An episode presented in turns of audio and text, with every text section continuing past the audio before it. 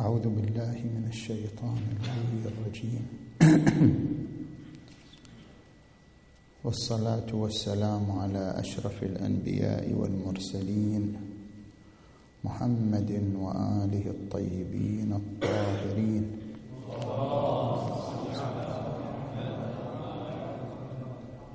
واللعن الدائم على أعدائهم أجمعين إلى قيام يوم الدين.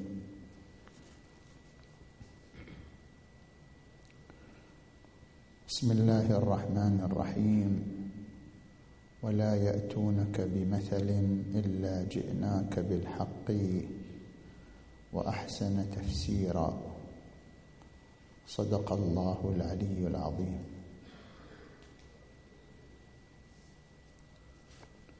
إن البحث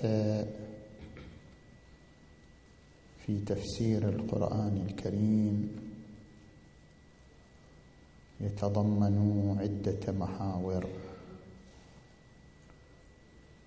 المحور الأول في طرق اقتناص المضمون القرآني. والمحور الثاني في أنواع التفسير. والمحور الثالث في التفسير النقلي. والكلام فعلان في المحور الأول. إن هناك عدة طرق وأساليب لاقتناص المعنى والمضمون القرآني وهي أربعة التفسير والتأويل والاستظهار والاستبطان.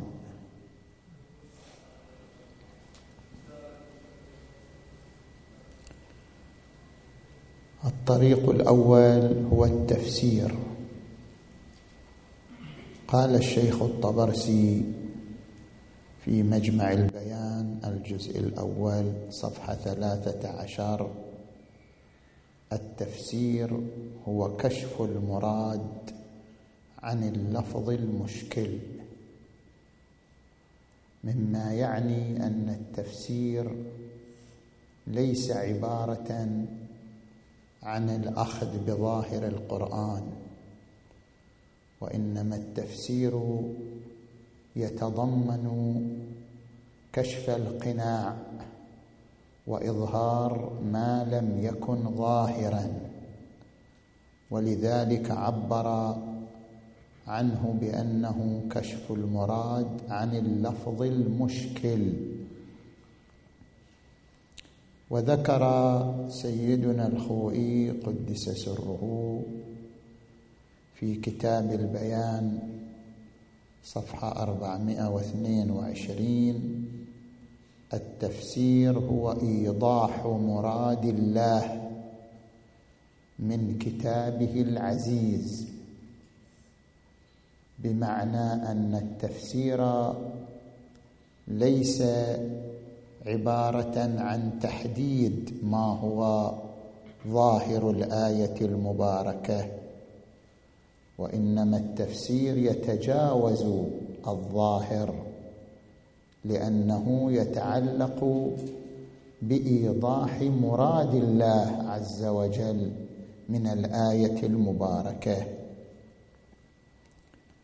والتفسير يختلف باختلاف القدرات الذهنية والخبرات العلمية والمراتب في الغوص في بحار معاني القرآن الكريم.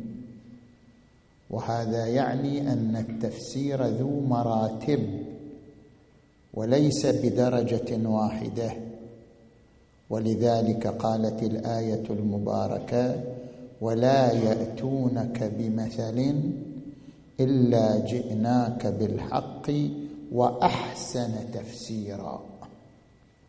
مما يدل على أن للتفسير مراتب متفاوتة فمنها الحسن ومنها الأحسن.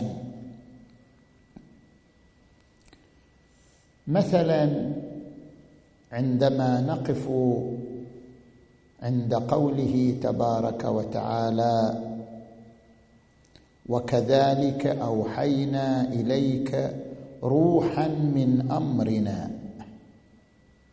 فإن هذا من الألفاظ المشكلة.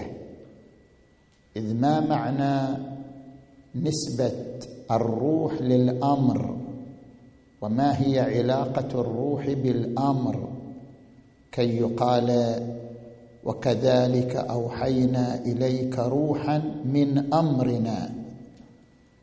كما قال في آية أخرى يسألونك عن الروح قل الروح من أمر ربي وما أوتيتم من العلم إلا قليلا. فإن هذه الآية المباركة لا يمكن الأخذ بظاهرها إذ ليس لها ظاهر كي يعتمد عليه في مقام تحديد المعنى بل لا بد من تجاوز مرحلة الظاهر من أجل تحديد المعنى الواقعي الذي هو مراد الله تبارك وتعالى كما ذكرنا في البداية أن التفسير هو كشف القناع وتحديد المراد الإلهي. العنوان الثاني أو الأسلوب الثاني التأويل والتأويل مأخوذ لغة من الأول بمعنى الرجوع إلى الأصل. فيقال آل أمر فلان إلى كذا أي رجع أمره إلى كذا. ومنه ما يعبر عنه بحسب الاستعمال العربي موئل.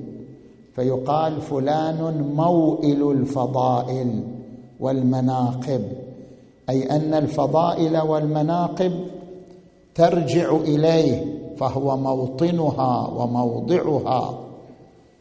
كما ذكر الراغب الإصفهاني في مفرداته وقد استخدم القرآن عنوان التأويل في سبعة عشر موضعا من آياته. واستخدم التأويل بعدة معاني نتعرض إليها مختصرا. المعنى الأول التأويل بمعنى العاقبة. قال تبارك وتعالى فردوه إلى الله والرسول إن كنتم تؤمنون بالله واليوم الآخر ذلك خير وأحسن تأويلا أي أن الرد إلى الله وإلى الرسول أحسن تأويلا بمعنى أحسن عاقبة وأحسن مرجعا. فالتأويل هنا بمعنى العاقبة. المعنى الثاني أن التأويل بيان حقيقة الشيء. فإن لكل شيء ظاهرا وباطنا فالوصول إلى لبه وباطنه لمعرفة حقيقته يسمى بالتأويل. قال تبارك وتعالى هل ينظرون إلا تأويله؟ هل ينظرون إلا تأويله؟ يوم يأتي تأويله أي يوم تأتي حقيقة يوم القيامة وتنكشف هذه الحقيقة بصورتها الواقعية حينئذ يدركون معنى تأويل هذه الحياة وتأويل يوم المعاد. المعنى الثالث أن المراد بالتأويل بيان المغزى والهدف. مثلا في قوله تعالى سأنبئك بتأويل ما لم تستطع عليه صبرا.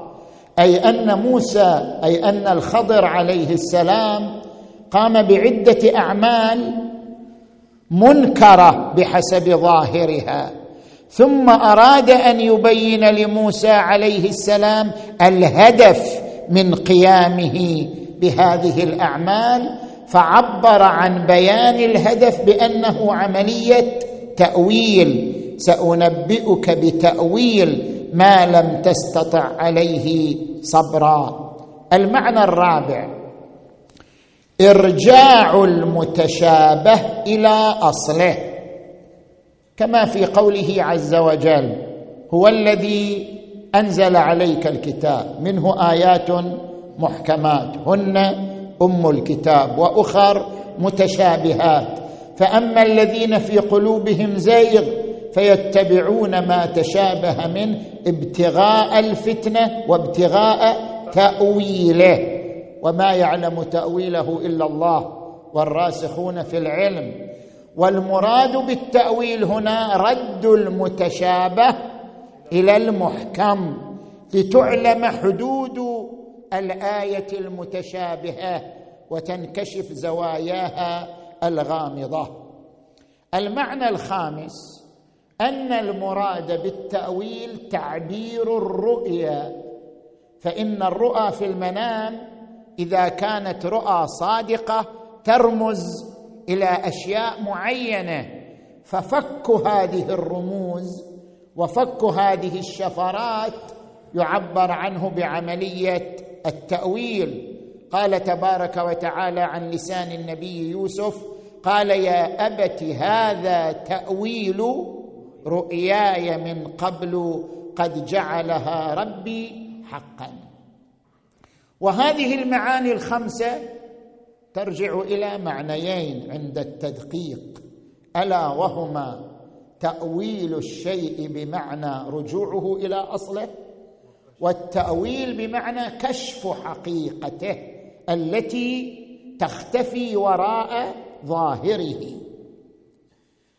والتأويل اصطلاحان كما ذكر الشيخ الطبرسي في مجمع البيان الجزء الأول صفحة ثلاثة عشر رد أحد المحتملين إلى الظاهر.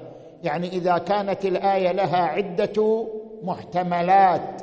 فرجحنا أحد المحتملات بناء على مجموعة قرائن وظواهر فهذه عملية التأويل. لكن السيد الطباطبائي رحمه الله في الميزان الجزء الثالث صفحة سبعة وعشرين قال التأويل ليس من الأساليب الدلالية بمعنى أنه أسلوب بياني يستخدمه قارئ القرآن في مقام التدبر واقتناص المعاني القرآنية بل التأويل هو حقائق واقعية وليس اسلوبا بيانيا فإن التأويل هو عبارة عن الحقيقة الواقعية التي يتضمنها الشيء ويؤول إليها. مثلا تأويل الحكم لكل حكم شرعي ملاك ومصلحة. معرفة ملاك الحكم هو عبارة عن تأويله لأن حقيقة الحكم بملاكه. تأويل الفعل بمعنى معرفة غايته.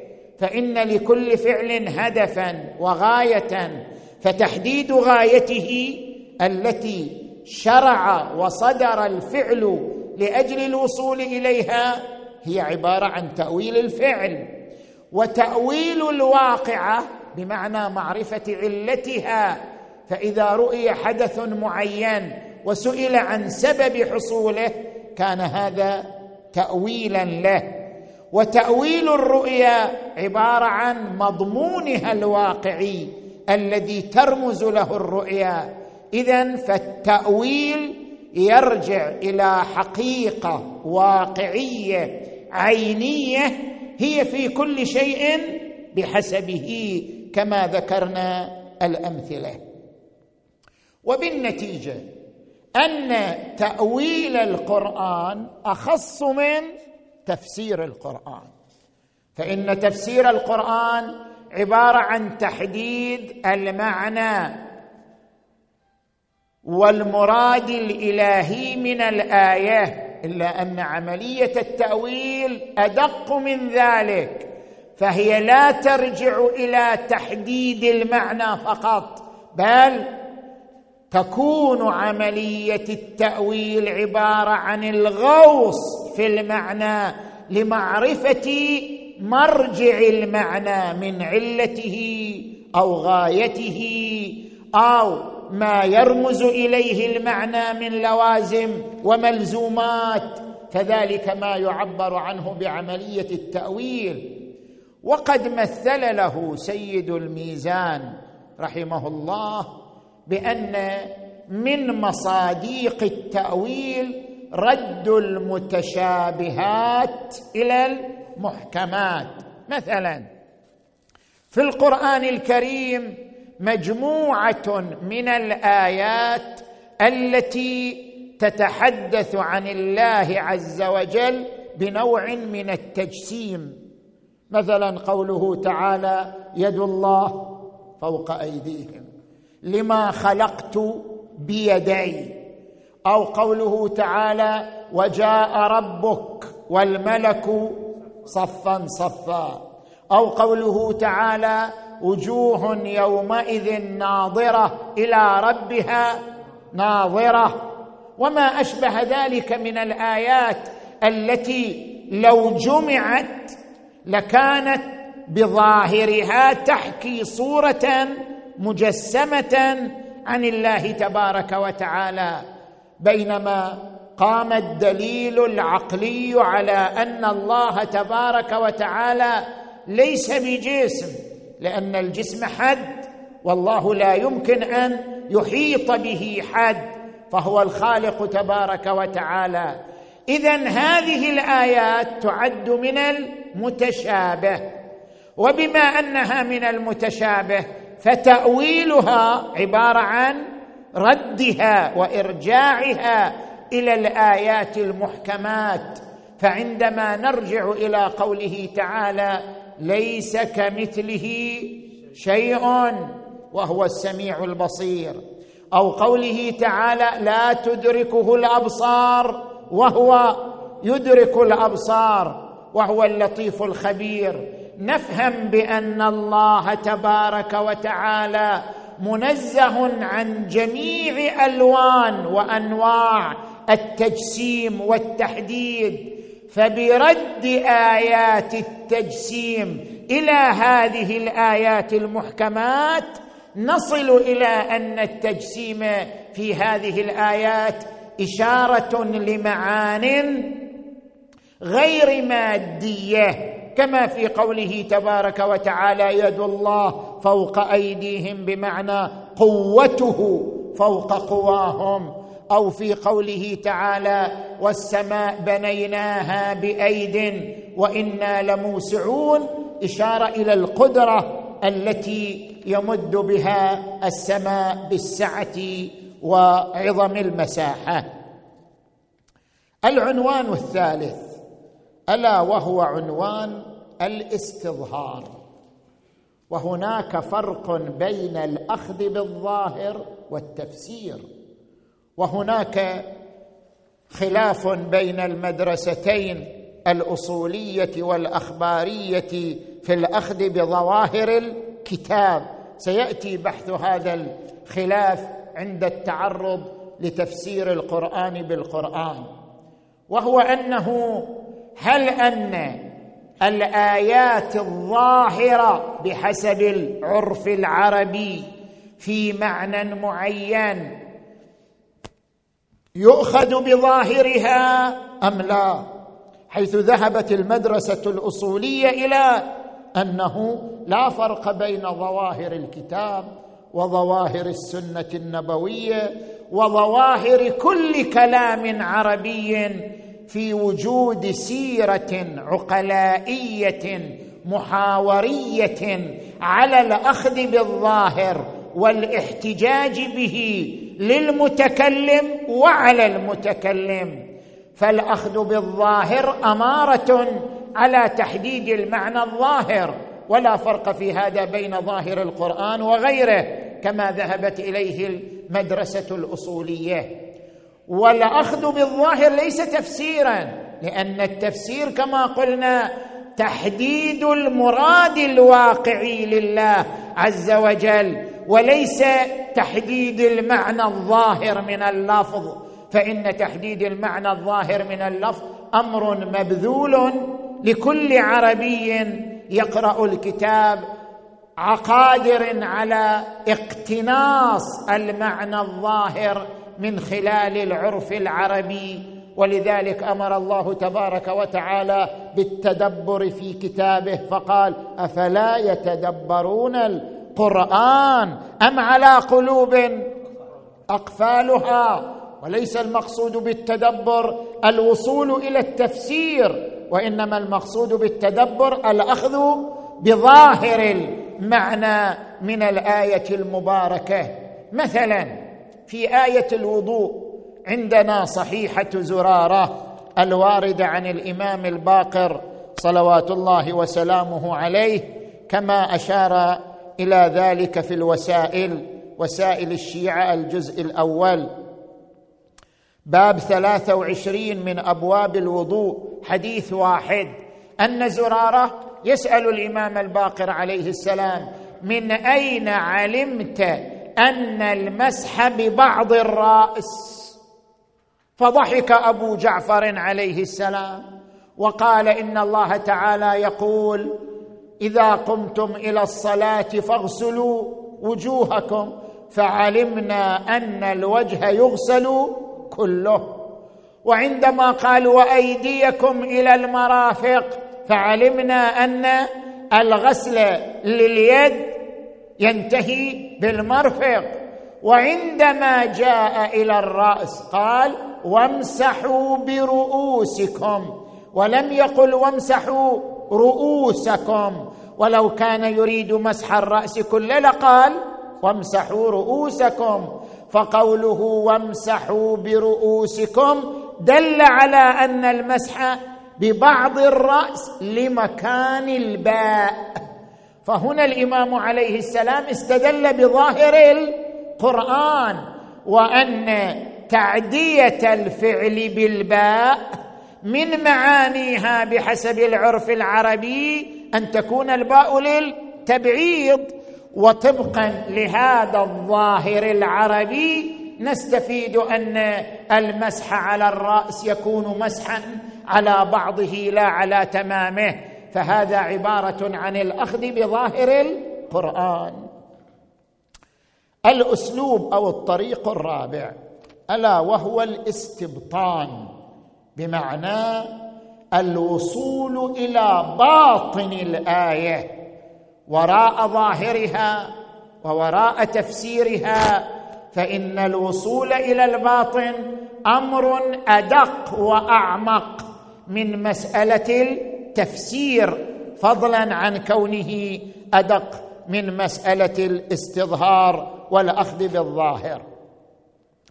وقد وردت عدة روايات عن الأئمة الطاهرين صلوات الله وسلامه عليهم أجمعين تشير إلى مسألة الاستبطان في القرآن الكريم. الاستبطان بمعنى الوصول إلى باطن الآية المباركة.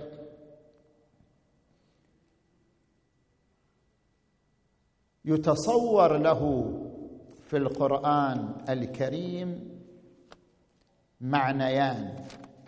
المعنى الأول أن يكون للآية المباركة إشارة إلى عدة معان في عرض واحد. فكون الآية إشارة لمجموعة من المعاني في عرض واحد يعد عملية استبطان للآية. مثلا في قوله تبارك وتعالى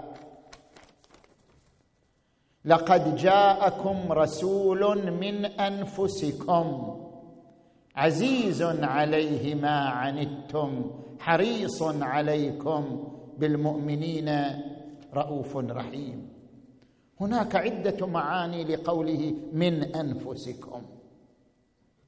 فالمعنى الأول أن المراد بكون الرسول من أنفسكم يعني أنه من جنسكم إنسان يعيش ما تعيشون ويفكر كما تفكرون ومع أنه من أنفسكم إلا أن الله بعثه رسولا عليكم وإنما بعث الرسول من أنفسكم لأنه الأعرف بأموركم والأقدر على إدارة شؤونكم. قل إنما أنا بشر مثلكم يوحى الي المعنى الثاني أن المراد بقوله لقد جاءكم رسول من أنفسكم الكناية عن الرأفة والرحمة. فعندما يقول فعندما تقول فلان نفسي أو فلان من نفسي فهي إشارة إلى العلاقة العاطفية التي تكشف عن جامع من الرأفة والرحمة.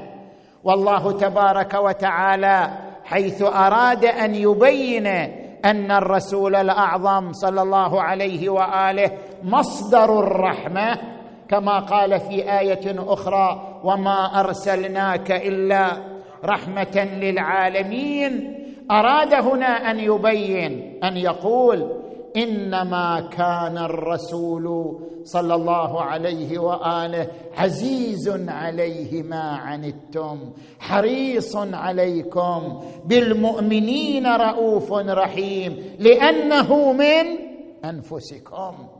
فكلمة من أنفسكم تمهيد لبيان أنه صلى الله عليه وآله مصدر الرحمة والرأفة. والعطف والحرص بالنسبة للمؤمنين جميعا كما تعرضت إليه الآية المباركة. والمعنى الثالث أن المراد بقوله تعالى لقد جاءكم رسول من أنفسكم إشارة إلى الولاية الأنفسية. كما عبرت عنه الآية الأخرى النبي أولى بالمؤمنين من أنفسهم بمعنى أن للنبي صلى الله عليه وآله ولاية أمرية على الأنفس كما له ولاية ظاهرية على إدارة شؤون المسلمين فإن له أيضا ولاية أمرية على الأنفس. ولأجل هذه الولاية أشارت زيارة الجامعة أنفسكم في النفوس وأرواحكم في الأرواح بلحاظ هذه الولاية الأمرية التي ثبتت للنبي محمد صلى الله عليه وآله وأهل بيته الطيبين الطاهرين. المعنى الثاني للاستبطان في القرآن الكريم بمعنى أن تكون الآية المباركة ذات بطون مضافا إلى ظاهرها. أن المراد بالبطون لوازم المعنى وملزوماته. فهناك معنى هو المراد الإلهي في الآية ولكن لهذا المعنى لوازم تترتب عليه. أو أن هذا المعنى ينبع من ملزومات هي وراءه. فاكتشاف لوازم المعنى أو ملزوماته هو ما يعبر عنه بعملية الاستبطان. مثلا عندما نقرأ قوله تعالى إنما وليكم الله ورسوله والذين آمنوا الذين يقيمون الصلاة ويؤتون الزكاة وهم راكعون. فإنه عندما نلحظ المعنى من الآية فإن ظاهرها إثبات الإمامة للإمام أمير المؤمنين علي عليه السلام حيث إن الإمامة بمعنى الولاية أن يكون للمعصوم ولاية ظاهرية على إدارة شؤون الناس ولو كان ذلك مستلزما لتصرفه في أنفسهم أم أموالهم أو أعراضهم بالنحو الذي يتعلق بحفظ المصالح العامة للمجتمع الإسلامي. ولكن لهذا المعنى لوازم وملزومات. فعندما نلحظ أن الآية المباركة قرنت ولايته بولاية الرسول وولاية الله عز وجل. بل جعلت الولايات في لفظ واحد فقالت إنما وليكم الله ورسوله والذين آمنوا ولم تكرر لفظ الولاية. فالتعبير عن الولايات بعنوان واحد يعني أن هناك جامعا من المسانخة بين ولاية علي عليه السلام وولاية الله ورسوله وهذا الجامع من المسانخة بين هذه الولايات هو عبارة عن الولاية الأمرية التي أشرنا إليها في قوله تعالى النبي أولى بالمؤمنين من أنفسهم بمعنى أن للإمام القدرة وبسط اليد على التصرف في الأنفس تصرفا باطنيا امريا. وهبه الله تبارك وتعالى له بمقتضى مقامه عند الله عز وجل. ولذلك قرن ولايته بولاية الله والرسول صلى الله عليه وآله. ومن اللوازم أن الآية جعلت ولاية الإمام علي عليه السلام اثرا للإيمان. فقالت إنما وليكم الله ورسوله والذين آمنوا الذين ولم تقل إنما وليكم الله ورسوله مثلا والذين صحبوا النبي أو والذين قربوا من النبي أو والذين هم من أهل بيت النبي. إنما جعلت موضوع الولاية الإيمان الخاص. الذين آمنوا الذين يقيمون الصلاة ويؤتون الزكاة وهم راكعون. فهذا إشارة إلى أن ولايته صلوات الله وسلامه عليه وآله هي ولاية الهداية. وهذا ما أثبته القرآن للأئمة. فإن أول مصداق من مصاديق ولاية الإمام ولايته على الهداية حيث قال تبارك وتعالى إنما أنت منذر ولكل قوم هاد.